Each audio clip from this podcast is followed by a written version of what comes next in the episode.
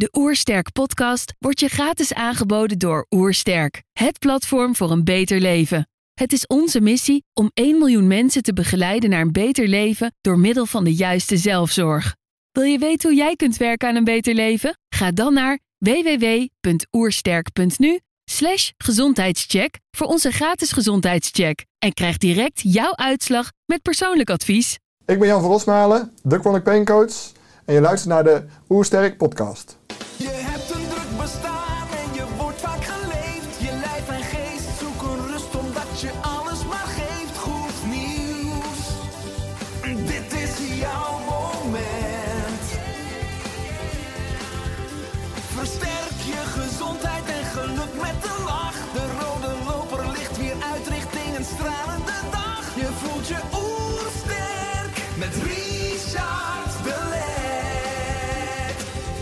Zijn hier in Heemskerk voor een podcast met Jan van Rosmalen.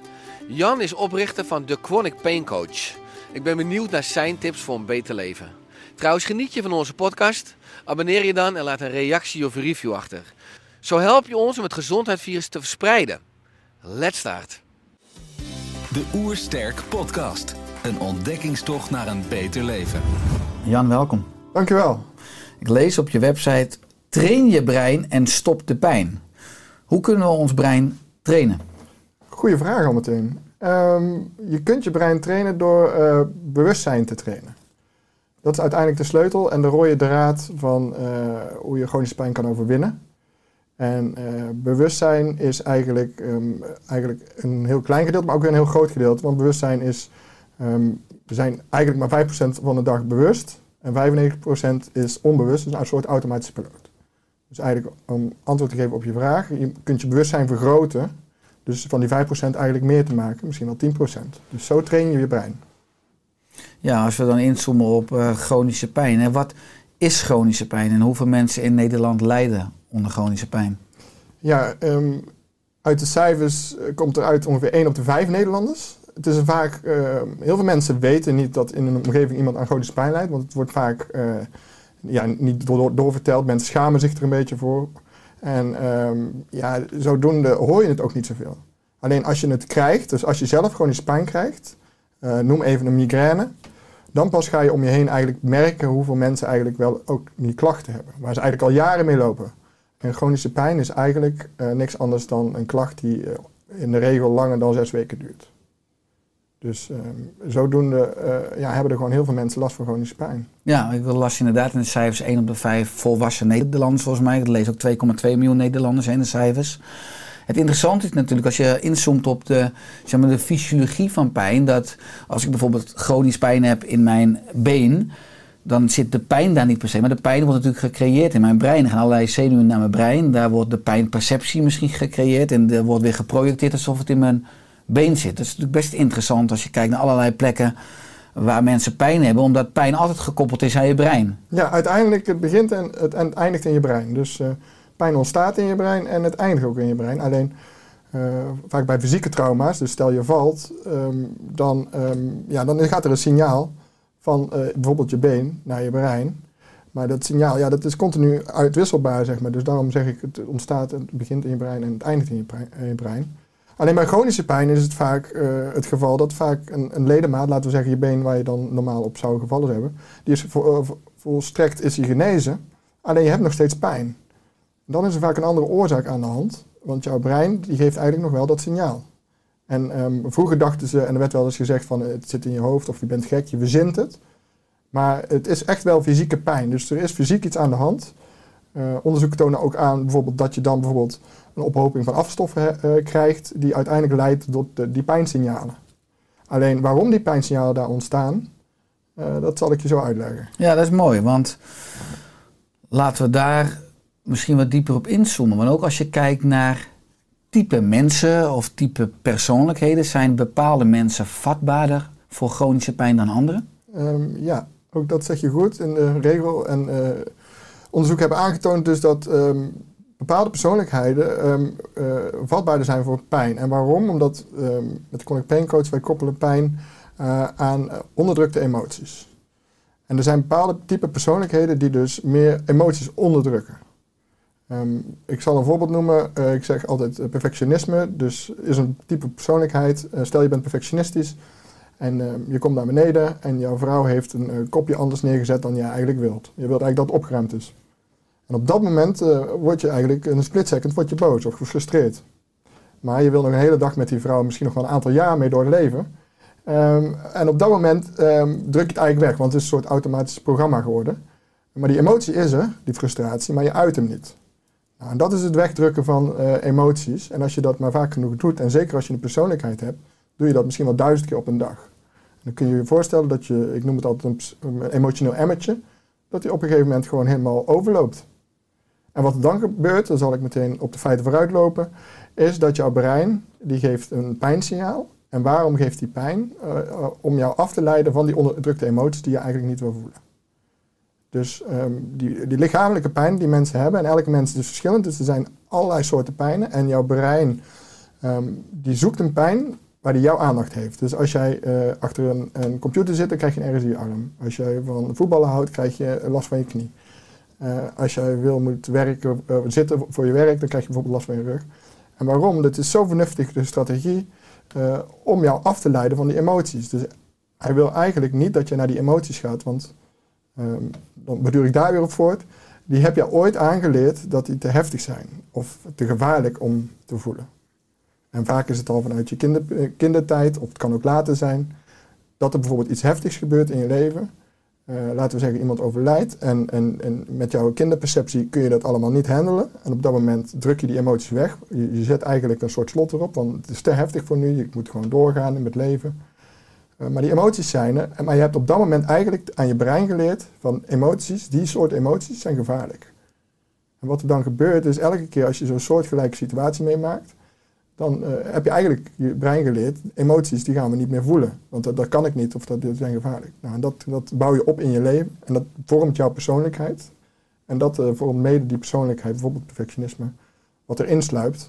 eh, waarom je dus eigenlijk emoties onderdrukt en niet uit. En daarom dus een pijn krijgt om je dus af te leiden van die emoties die je niet meer wil of kan voelen. Ja, en ligt de revolutie dan uiteindelijk in het beter hanteren of het beter omgaan of het doorvoeren, het laten stromen van onderdrukte emoties of ook voor een deel je persoonlijkheid aanpassen. Want bijvoorbeeld als je het hebt over dat kopje, ik denk dat ik ook vrij neurotisch ben en dat bepaalde luisteraars of kijkers zich daarin kunnen herkennen. Maar ik hou bijvoorbeeld in, het, in de keuken dat de glazen, we hebben grote, kleine glazen bij elkaar, de grote glazen bij elkaar, de kleine glazen bij elkaar. We hebben zelf theekopjes, vind ik het prettig dat de oortjes allemaal één kant op staan. Mijn vrouw is veel makkelijker. Uh, maar dus dan zie ik dat mijn vrouw het anders doet. Uh, dat, hè, in dat voorbeeld van jou, dat kan frustratie geven. Uh, moet ik er dan bijvoorbeeld een tik geven? Nee, ik maak hier natuurlijk een grapje van. Maar waar ligt uiteindelijk dan de revolutie? Weet natuurlijk dat ik uiteindelijk ook misschien anders kan omgaan met mijn perfectionisme. Ik kan natuurlijk anders omgaan met, nou dan in jouw, jouw geval onderdrukte emoties. hoe doe je dat als je mensen begeleidt?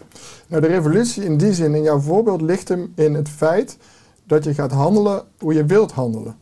Want uh, um, hoe jij handelt, dat de oortjes naar links moeten staan, dat heb jij ook weer overgehouden aan hoe jij uh, bent gevormd tot nu. Dat is jouw persoonlijkheid van nu. Ik heb het denk ik van mijn moeder. Die luistert ook mee, maar is jouw schuld, ja.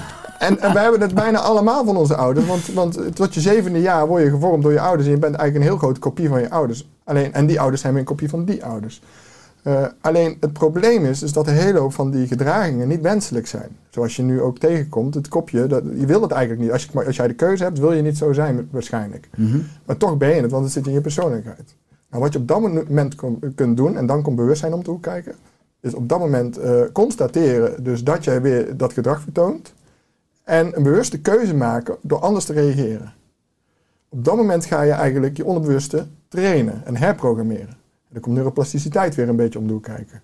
Dus, uh, alleen het moeilijke hieraan is, is dat je dus elke keer heel bewust moet doen. Want um, uh, de sensaties gaan af. Dus de frustratie is er al. Dus op dat moment kun je er niks meer aan doen. En dan haak ik ook mooi in wat je net zegt. Het is tweeledig. Je moet dus die emoties de kans geven door te voelen. Dus niet weg te drukken. Want dan krijg je weer pijn eigenlijk. Ja, jij gelukkig niet, maar als met iemand die uh, chronische pijn heeft. Dus erkennen van die emoties, dat is sleutel 1. En sleutel 2 is dus het trainen van je onderbewuste met je bewustzijn dat je een ander uh, gedragpatroon wil vormen. En ik noem het zelf altijd het chronische denkpatroon. Dus mensen die chronische pijnen hebben, Je hebt een chronische manier van denken. Dus van, van, van stress, frustratie, eh, zorgen maken. Hè, doen heel veel mensen zorgen maken. Maar als je dat maar te veel doet en, en die zorgen ook verder niet uit, ja, dan op een gegeven moment dan is weer dat emotionele emmertje is vol. En dan, eh, ja, dan krijg je eh, last. Dus eigenlijk ook weer daar inhakend, iedereen heeft wel eens last van chronische pijn. Eh, in die zin, iedereen heeft wel eens een, een, een schouder die even vastzit of die heeft last van zijn rug. En als je dan vraagt, ja, hoe komt dat dan? Dan kunnen ze altijd wel zeggen, ja, we weten het eigenlijk wel vaak, het is, heeft niks met mijn rug te maken, maar ik heb stress op mijn werk. Hè, dat noemen we dan stress. Maar eigenlijk is het een soort voorloper van chronische pijn. Alleen wat er dan fout gaat met mensen die chronische pijn ervaren, die hebben vaak echt iets intensiefs meegemaakt. Dat, eh, dat er in één keer een kink in de kabel komt in het brein. En die dus emoties eh, interpreteert als gevaarlijk. En eh, daarom gaat heel je lichaam in stressrespons. Daarom gaat heel je, je, je sympathische zenuwstelsel aan. Ehm, en ehm, ja, we kunnen dat weer resetten. Alleen dat heeft heel veel tijd nodig, omdat dat met het bewustzijn moet. Ja, mooi. Als je het hebt over dat er zoveel mensen zijn die chronische pijn hebben, kunnen we mogelijk ook wel wat concluderen over hoe we in de maatschappij, hè, in de cultuurbubbel met emoties omgaan. Ik zag laatst een interview met je in Holistic. En daarin zei je, het probleem is dat we in een maatschappij leven waarin de emoties die aan trauma's gekoppeld zijn er vaak niet mogen zijn. Kun je dat toelichten? Ja, ja, dat is eigenlijk wat ik net al zei. Om die, die, die trauma's die heb je dus ervaren, alleen eh, niet verwerkt of eigenlijk onderdrukt. Eh, een deel van het proces kan zijn dat je deels eh, die trauma's accepteert. Dus dat je die verdriet, laten we zeggen, kom even terug bij dus dat iemand overleed, dat, dat je dat toelaat. En dat je dat, want eigenlijk heb je dat op dat moment niet verwerkt. Maar het mooie is ook wel, je hoeft niet te gaan graven. Je hoeft oude trauma's niet op te graven. Want wat er dan gebeurt, is, ehm, kom ik ook weer terug op het bewustzijn. En er is alleen maar nu. En er is eigenlijk geen verleden of toekomst, alleen maar in je brein.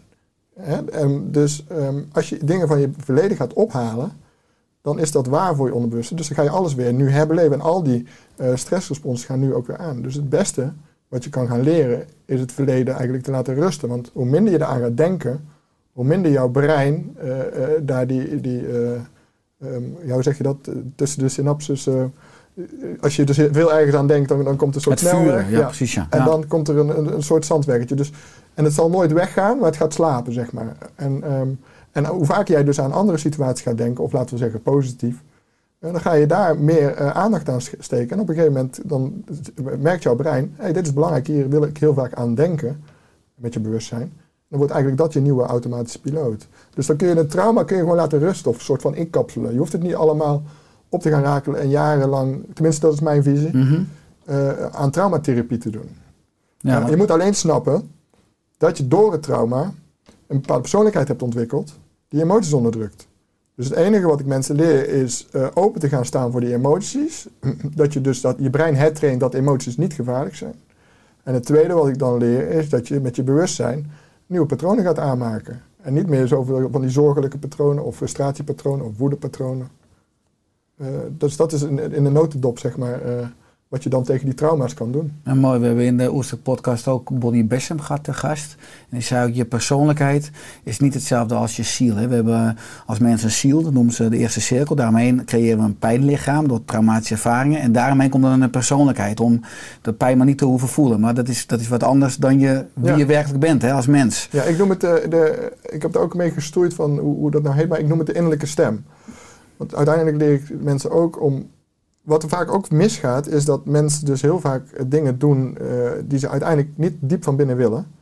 Ehm, laten we even als voorbeeld noemen. Stel je, je wordt advocaat omdat heel je ouders het willen, heel je, je, je omgeving wil het, maar uiteindelijk diep van binnen wil je gewoon schilder worden. En je luistert dus niet naar je innerlijke stem, want die wil uiteindelijk gewoon creatief zijn. Dan kun je je voorstellen dat je dus heel lang iets doet wat je niet wilt. Dus niet wat je innerlijke stem zegt. Nou, dat genereert innerlijke strijd. En dat noemt, eh, veel van mijn onderzoeken zijn gebaseerd op Dr. Sarno. Die heeft het een beetje groot gemaakt in Amerika. En die noemt het een divided mind. Dus dan krijg je een divided mind. En, en in je brein heb je een soort strijd.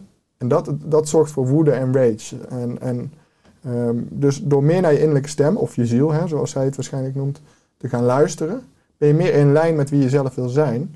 En als je dat bent, creëer je ook alleen maar positieve emoties. En, en geen strijd of Mhm. negatieve emoties.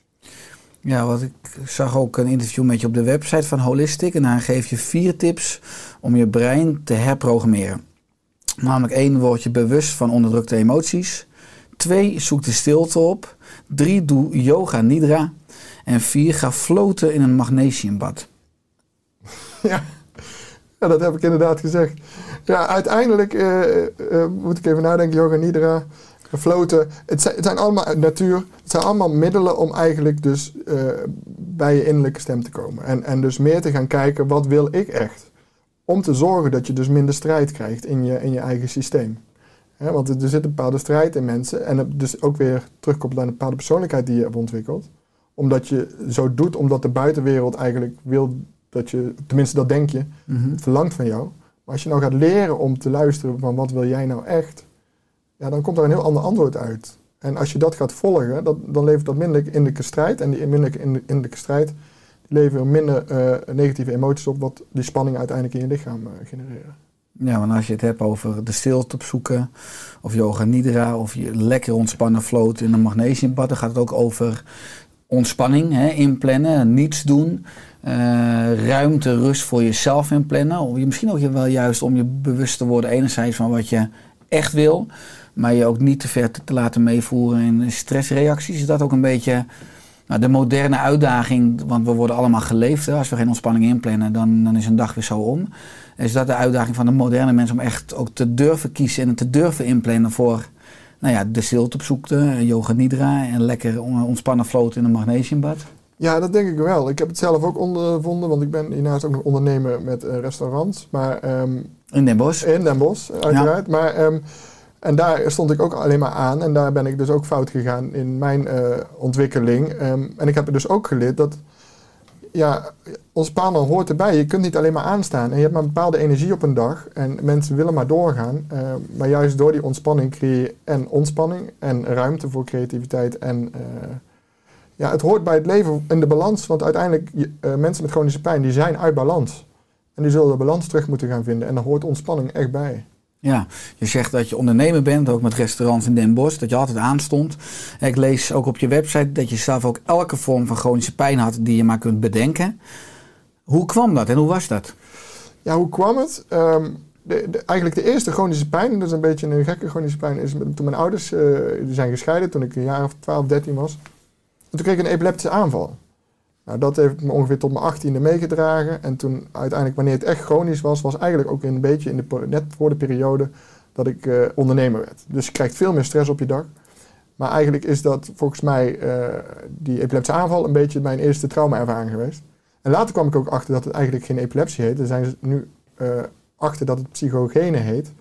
Dus eigenlijk is het een, een, een emotionele overload. Dus het past heel mooi bij het verhaal wat ik vertel. Is dus dat voor mij was dat eh, te heftig om daarmee om te gaan. En, en op een of andere manier eh, heb ik dat niet goed kunnen verwerken. En ik ben eh, zelf ook gevoelig, hooggevoelig. Dus dan, dan, ja, dan werkt allemaal niet mee in, in die zin. Het was kortsluiting. Ja, het was echt, nou ja, zo kun je het mooi zien. Het was gewoon kortsluiting. En ehm, ja, zodoende heeft, het- heeft, heeft zich dat ontwikkeld. En het begon altijd wel in mijn adolescentie met af en toe een rug krijgen, een keer een spitaanval. Toen op een gegeven moment kreeg ik ischias. Toen kreeg ik, dus je lange beenzenuw, zeg maar. Ik kreeg tintelende voeten, ik kreeg eh, tintelende armen, ehm, ik heb oorsuizen. Ehm, ja, ik heb het eigenlijk allemaal wel gehad. En het, het rare van eh, chronische pijn is, als je het eenmaal door hebt, die strategie, dan gaat het verschuiven. En dat is heel gek. Want ehm, als, je, eh, als je je aandacht niet meer geeft aan die bepaalde plek, omdat je dus begrijpt van, hé, er is niks mis met mijn rug, dus ik ga bijvoorbeeld gewoon hardlopen, dan, dan gaat het in één keer zitten in je oren. En, en dat is het moeilijke aan, aan het overwinnen van chronische pijn, is dat je daar doorheen moet, omdat ja, je brein blijft zoeken om je af te leiden. En jij moet eigenlijk daartegen ingaan. En eh, eh, daarom is kennis heel erg belangrijk, want je moet echt verstandelijk begrijpen wat er nu aan de hand is om, om dit te overwinnen. Hm? Ja, maar er zijn ook heel veel experts die zeggen je moet naar je lichaam luisteren. Zeker, want je moet altijd naar je lichaam luisteren, want de pijn is een signaal. Maar wat, wat, is, wat is het signaal? Het signaal is dat er emoties eh, niet gevoeld worden of, of niet, dat je die niet meer kan voelen. Dus eh, je moet je gaan trainen in het weer leren voelen van emoties. En ehm, zo train je eigenlijk en zo luister je ook naar je lichaam. Ja, maar jij stapte ook met nou ja, al die klachten die je had eigenlijk in de malle molen van de complementaire geneeskunde. Je hebt heel veel ervaren, eh, omdat je natuurlijk op zoek bent naar een oplossing. Hoe ben je uiteindelijk van deze pijn, hè, deze chronische pijnen hersteld? Ja, eh, ik heb ze allemaal gehad. eh, van, eh, nou, ik zal al de therapieën niet noemen, maar alle reguliere therapieën allemaal gehad. En altijd, Maar acupunctuur, osteopathie, Ja, oh, eh, toch De interessant. hele mikmak tot, Ja. tot de meest rare, tot Chinezen die over me heen liepen en kruiden. Maar in ieder geval, ik kwam er altijd achter, ik, ik had een, een diep gevoel van binnen, dit is het niet. Dit is niet de oorzaak. En toen kwam ik uiteindelijk bij die emoties uit en dat was... eh, op een blauwe maandag kocht ik het boek van Dr. Sarno. Gewoon op bol.com zag ik Healing Back Pain heet het boek. En ehm, nou, het was of dat ik dat was in dat boek. En dat eh, adviseer ik ook veel mensen die eh, willen beginnen hieraan. Of die bijvoorbeeld niet eens mijn, mijn methode willen doen. Lees dat boek.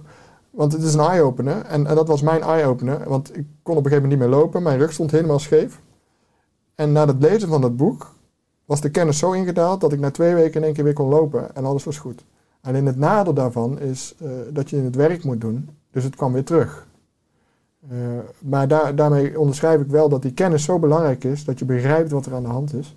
Dus dat was een beetje mijn omslagpunt eh, om, het te gaan, om daarmee in door te gaan. Alleen het nadeel was, er was geen goede methode en er is geen goede strategie. Dus die, meneer die heeft in de jaren tachtig, zag hij al zijn, was gewoon een dokter in een groot ziekenhuis. En die zag op de ene, ene er kwam iemand met een, met een rugpijn en na een, na een half jaar kwam hij terug en had hij in één keer een maagsfeer over een RSI-arm. En hij ging in één keer die verbanden leggen tussen onderdrukte emoties. En hij heeft dat gedachtegoed een beetje groot gemaakt. En in Amerika zijn er meerdere artsen die dit nu eh, onderschrijven. Eh, en, en ja, ik heb dat gevolgd en dit is echt een nieuwe manier van denken daarover, over die chronische pijn. En hij was daar wel pionier in. Ja, want als je nu kijkt naar je praktijk, welke klachten zie je veel in de praktijk? Nou ja, ik, eh, veel fibromyalgie, eh, eh, rugklachten, ehm eh, migraineklachten heel veel. Maar het is zo divers, want ja, er zijn, nogmaals, elke persoon is anders. Dus ik krijg ook heel veel klachten dat ik, waar ik nog nooit van heb gehoord. Eh, en ik, ik kijk goed of dat ze in het plaatje passen. En dan heel vaak is het dat. En ja, nogmaals, het brein is best wel intelligent om, om, om jou zo- zo'n rare klacht te geven. En uiteindelijk is het luisteren naar je lichaam. Want mensen, en daar ben ik altijd dankbaar als ze al een traject ervoor hebben gedaan. Want dan pas ga je openstaan voor dat er misschien een andere oorzaak kan zijn. Want die overtuiging, want overtuigingen zijn het allermoeilijkste om die eruit te halen. Dus de overtuiging, oké, ik heb last van mijn knie. Eh, nou ja, logica zegt, er is iets mis met de knie. Eh, nou, en die logica moet eruit. Want er is niks mis met de knie, maar er is iets mis met het aansturend orgaan van de knie. Je brein, ja. En die logica haal je er onder andere uit dan in je programma's. Je hebt een programma van negen weken. Ik zag staan 15 minuten per dag, wat vaak prettig is voor mensen. Hè? Want Ja, mensen willen niet één of twee uur per dag, maar gewoon 15 minuten per dag. Eh, wat houdt je aanpak precies in? Nou ja, het begin is eigenlijk, ik noem het emo- het emotionele programma. Dan ga je dus die emoties leren herkennen. En soms duurt dat wel veel langer. Want het, het, het is niet voor niks dat je ze hebt onderdrukt. Dus het heeft tijd nodig om dat jezelf weer aan te leren en daarvoor open te staan. En dan het tweede deel is het breintraining. En dan gaan we echt meer eh, aan het werk met de gedachten. Want uiteindelijk zijn gedachten, of ja, bewustzijn gedachten, dat ligt dicht bij elkaar. eh, die vormen zeg maar eh, je chronisch denkpatroon. Dus kun je je voorstellen dus dat je mensen moeten eerst bewust worden van de emoties die ze onderdrukken. Dat is dus die eerste drie weken. Maar ze worden zich dan ook bewust van heel veel gedachten waar ze eigenlijk niet bewust van waren, maar die ze eigenlijk heel dag hebben. bepa- Bepaalde patronen. Zoals bijvoorbeeld het kopje naar rechts eh, doen. En ja, heel veel mensen weten niet eens dat ze zo denken of dat, ja, dat ben ik, zeggen ze dan. Maar nee, ja, dat, ben jij niet, je doet zo. Wat je bent, dat kun je wel veranderen. Eh, dus die bewustwording, dat is een, beetje de rode draad. Maar dus het begin is emoties leren voelen, eh, bewust worden van je gedachten en vervolgens is die gedachtenpatronen aanpakken. En, eh, en zodoende heb je eigenlijk een, een sleutel in handen om die chronische pijn te overwinnen. Ja, wat ik leuk vind aan jou is als ik kijk naar het rijtje waar je expertise ligt. Hè, daar staan begrippen als metafysica, eh, kwantumfysica, menselijk bewustzijn. Hè, wie zijn wereldwijd jouw inspiratoren? Oeh, goede vraag. Ik heb te veel. Eh, ik was een jaar geleden al ingedoken, maar nu is, eh, is hij al groter. Jo- Joe Dispenza natuurlijk, die, die denkt eh, veel op die manier. Uiteindelijk is uh, Zat, een hele grote. Lijkt wel de grootste. Ehm, eh, ehm, en ehm, eh, eh, Dr. Hawkins, niet, niet te verwarren met de Hawkins van de, van de plane- planeten, maar een, wat een, was een psychia- psychiater of psycholoog. Eh, die heeft ook veel over bewustzijn geschreven. Ehm, Moji, dat is een beetje, weer een beetje weer de spirituele hoek. Ehm, ja, en eh, Napoleon Hill bijvoorbeeld. Want daar uiteindelijk, dat is weer meer... Denk ik wel, weet ja, En, maar daar zit weer ook een rode draad in, wat uiteindelijk weer met de wet van aantrekking te maken heeft. Wat, wat ik ook in mijn, in mijn programma eh, heb gepakt, omdat dat uiteindelijk is ja, waar je aan denkt, dat trek je aan. Dus Mhm. dat is weer die gedachten. Dus je moet die de gedachten, als je heel de dag aan pijn denkt, ja, dan krijg je alleen maar pijn. Dus je moet gaan leren om niet meer aan de pijn te denken. En dat is het moeilijkste, want pijn is er en dat is je, je, oerbrein gaat aan en die denkt dat er iets aan de hand is. Dus al jouw sensoren, alles draait om die pijn. En we moeten eigenlijk je gaan trainen om die aandacht van die pijn af te halen. En je gaan leren dat die pijn eigenlijk niet meer zo belangrijk is. Eh, dus daarom eh, zeg ik eh, Napoleon Hill, omdat dat eigenlijk, die die wet van aantrekking zit in zijn boek ook een beetje verweven. En eh, ja, dat, dat is heel belangrijk voor je gedachten, dus de positieve kant op terug. Want dan trek je ook positievere dingen aan. Dus ik wil, eh, dan moet je denken aan een gezond lichaam, bijvoorbeeld. En dan ga je dat ook meer aantrekken. Ja, precies. En visualiseren eventueel, als je het hebt over, eh, nou, je noemt een aantal namen. Eh, ik zie op je website ook een lijstje staan en foto's hè, van allerlei experts en inspiratoren die je geïnspireerd hebben. Wat zijn nou andere inspirerende lessen die je geleerd hebt, die enorm bijgedragen hebben ook aan de persoon die je vandaag bent? Ehm, flexibel zijn. Dus eh, flexibel zijn houdt in, dus omdat je dus je onderbewuste patronen afgaan, je persoonlijkheid, eh, wil niet zeggen dat jij dat bent. Dus als je dat woordje flexibel een beetje in je achterhoofd houdt, dan kun je kiezen op dat moment, ga ik zo reageren nogmaals, of niet. Eh, en, en zo ga je eigenlijk een beetje die patronen doorbreken. Ehm, ook, ik heb ook geleerd om ehm, ja, dat, je, dat je dingen op je af kunt laten komen. Dus dat, je, dat het niet alleen maar hard werken is. Mhm. Ehm, en, en meer van de kleinere dingen te genieten eigenlijk in die zin. En ja, dat is onze maatschappij, is heel erg uiterlijk vertoon. Maar eh, als je leert naar, naar, naar binnen te keren en, en daar naar je innerlijke stem dus meer te gaan luisteren. eh, ja, dan word je uiteindelijk veel gelukkiger van, omdat die gaat vertellen wat je echt wilt. En, en niet wat, nogmaals, de, de omgeving en heel de wereld van je verwacht en wat je allemaal op de Instagram en op de Mhm. eh, socials ziet aan het plaatje wat je aan moet voldoen.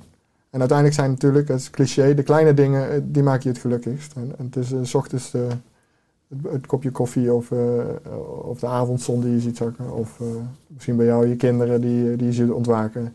Daar zit het geluk en niet in eh, ehm, de mooie auto die je krijgt. En het is allemaal vluchtig natuurlijk. Ja, eens. Als je het hebt over dat geluk, dan heeft het natuurlijk ook deels te maken met het juist aansturen en het controleren van je gedachten en je emoties. Hoe kunnen we onszelf beter emotioneel trainen? Ehm, nou, het belangrijkste is bewust worden van je emoties en bewuster. Ehm, en dat ze een wezenlijk onderdeel zijn van je. En emoties is een beladen ding. Het, het wordt eigenlijk nooit. Er zijn eigenlijk geen emotionele trainingen. Eigenlijk zou dat gewoon op school gegeven moeten worden, misschien wel. Eh, het- eigenlijk, wij zijn emotionele wezens. Alleen er wordt eigenlijk heel weinig aan gedaan. Dus eigenlijk bewust worden van emoties. En als er dan emoties zijn, kijk, iedereen wil positieve emoties. Maar negatieve emoties horen ook gewoon bij het leven. Ehm, en je, je mag gaan leren te accepteren. En ehm, het is als een golf, dus laat ze gewoon komen, dan gaan ze ook weer gewoon. Maar waar, het, waar het fout gaat, is dat we weerstand hebben tegen emoties. We willen ze niet voelen, want we willen niet verdrietig zijn, we willen niet boos zijn, enzovoort, enzovoort. En dan krijg je ophopingen in je lichaam in die zin. Hè? En dan krijg je spanning in je lichaam. Maar als jij emoties gewoon leert gewoon te uiten en als ze komen, op dat moment gewoon te laten zijn. En daarna weer zo snel mogelijk te switchen naar wat je wel, wilt. Er niet in blijven hangen, want dat is de, dat is de valkuil, zeg maar. Ehm, ja, dan kun je dus jezelf trainen in die zin ja, dat emoties gewoon bij het leven horen. Want dat is het gewoon. Emoties horen gewoon bij het leven, eh, positief en negatief. Ja, emoties stammen natuurlijk af van het woord emoveren, dus doorstromen, hè, doorvoelen. Ja. Dus niet vastzetten.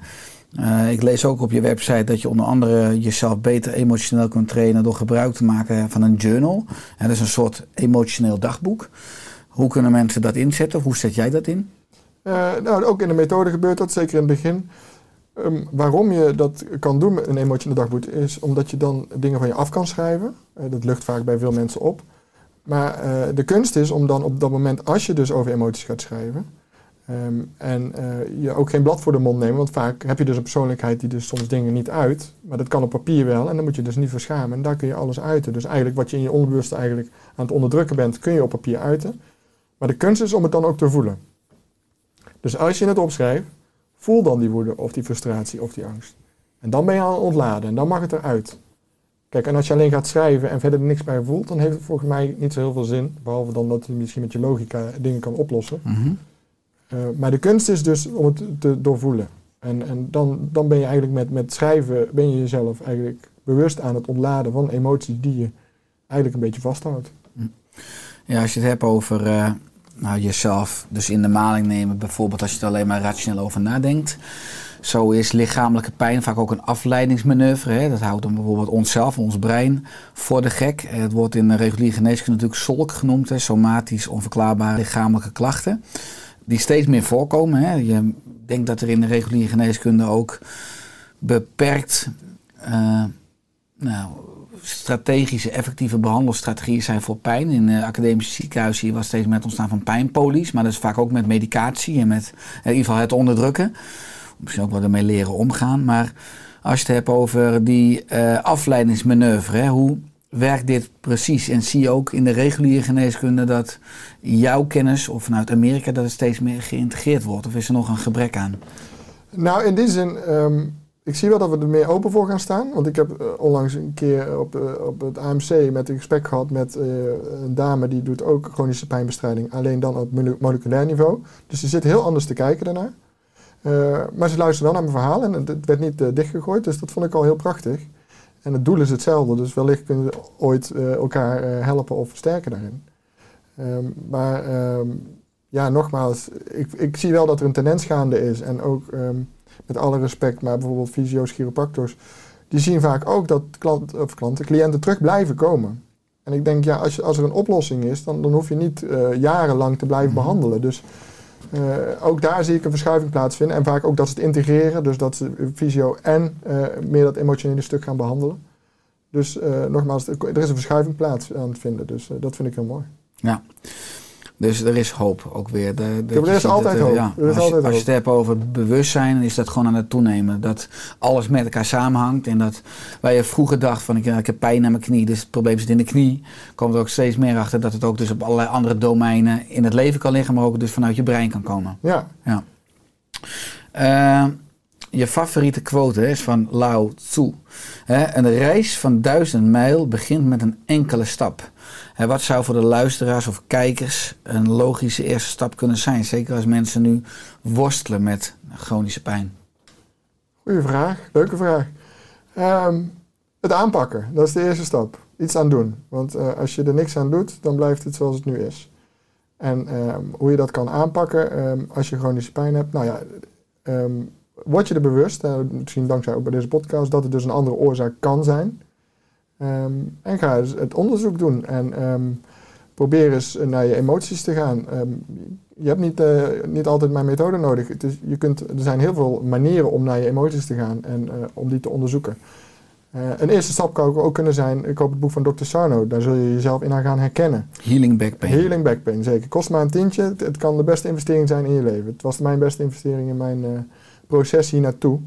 Uh, alleen let wel op, het, is heel vernuftig en heel moeilijk. En daar, anders zou het al reguliere wetenschap zijn als, het, als de oplossing makkelijk was.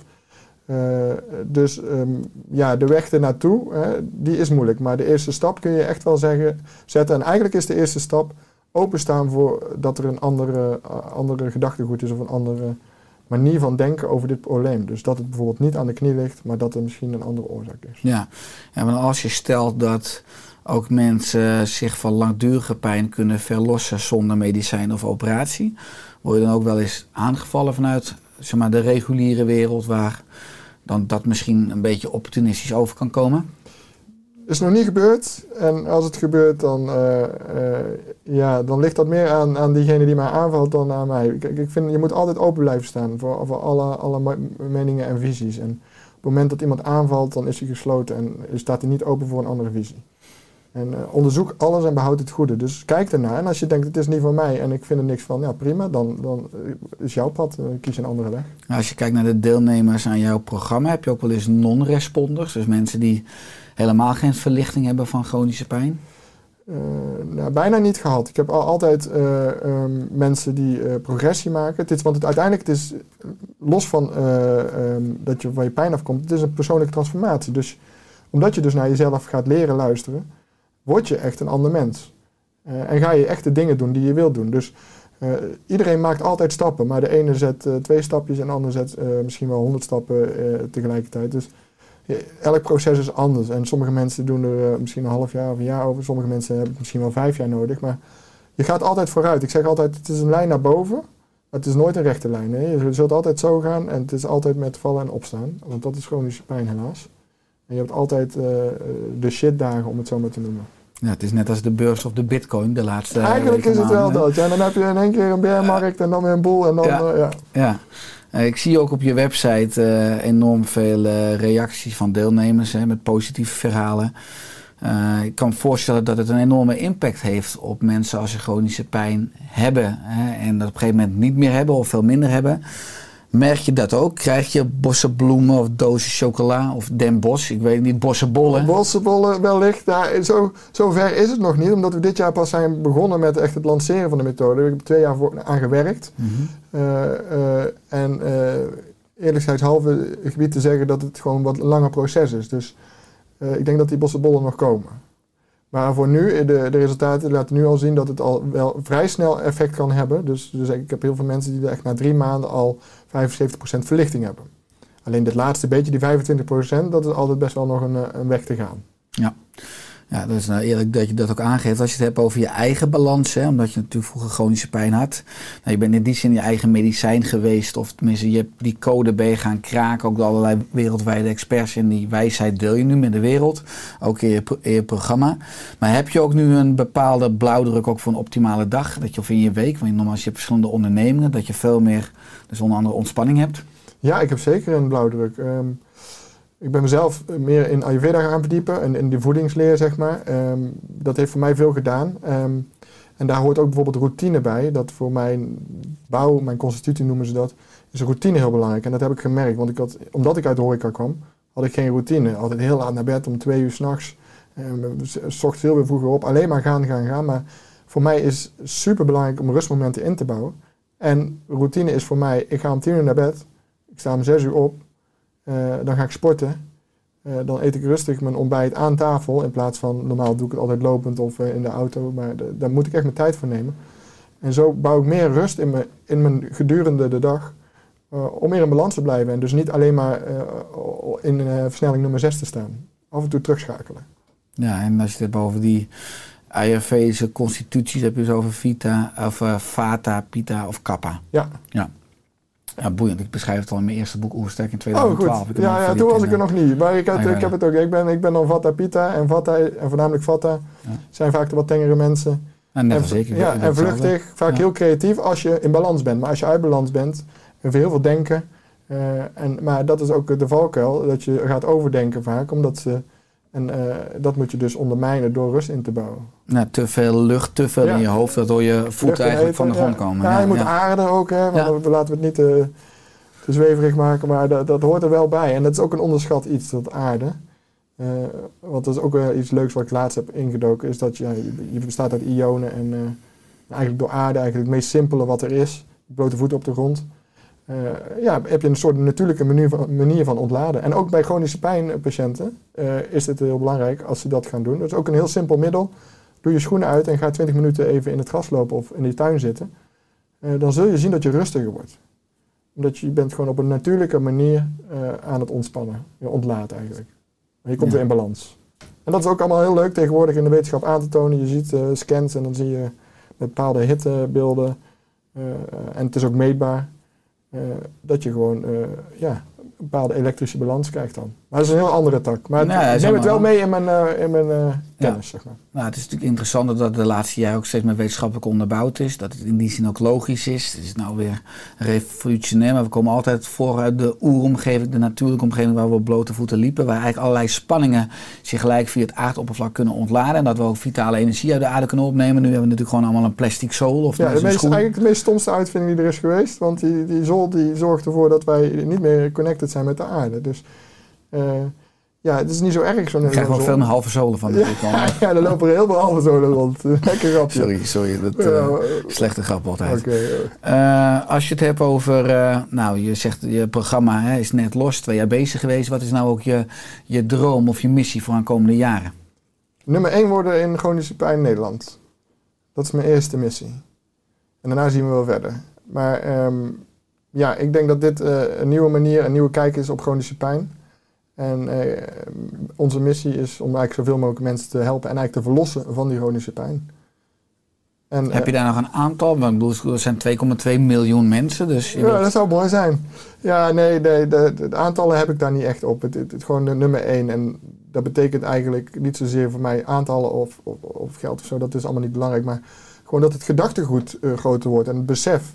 En ook weer dat bewustzijn, besef dat die chronische pijn ergens anders vandaan komt dan wat veel mensen nu denken.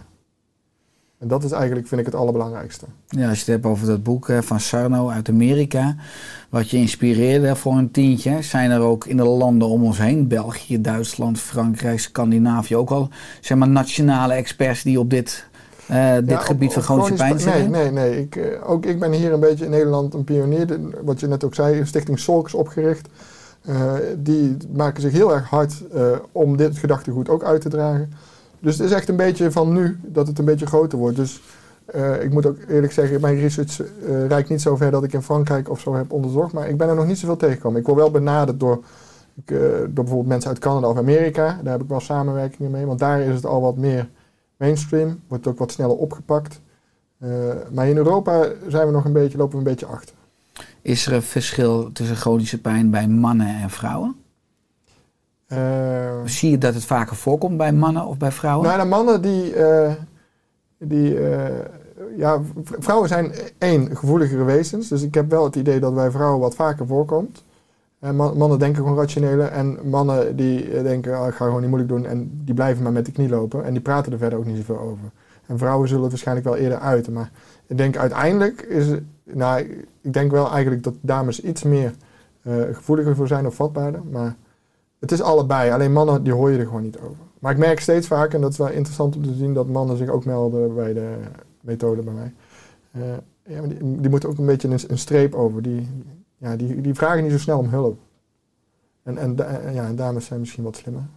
Nou ja, ik denk zeker zo, wat ik ook ervaren heb in mijn eigen praktijk voor integrale geneeskunde, dat vrouwen vaak eerder in actie komen als ze signalen hebben en wat meer bezig zijn met zorgen voor anderen, maar ook voor zichzelf. Eh, maar wel dat vrouwen over het algemeen meer of makkelijker praten, waardoor je eigenlijk zou zeggen dat ze ook beter zijn in het uiten van emoties dan misschien minder pijn hebben. Mannen inderdaad, die zijn wat rationeler, even heel zwart-wit hè.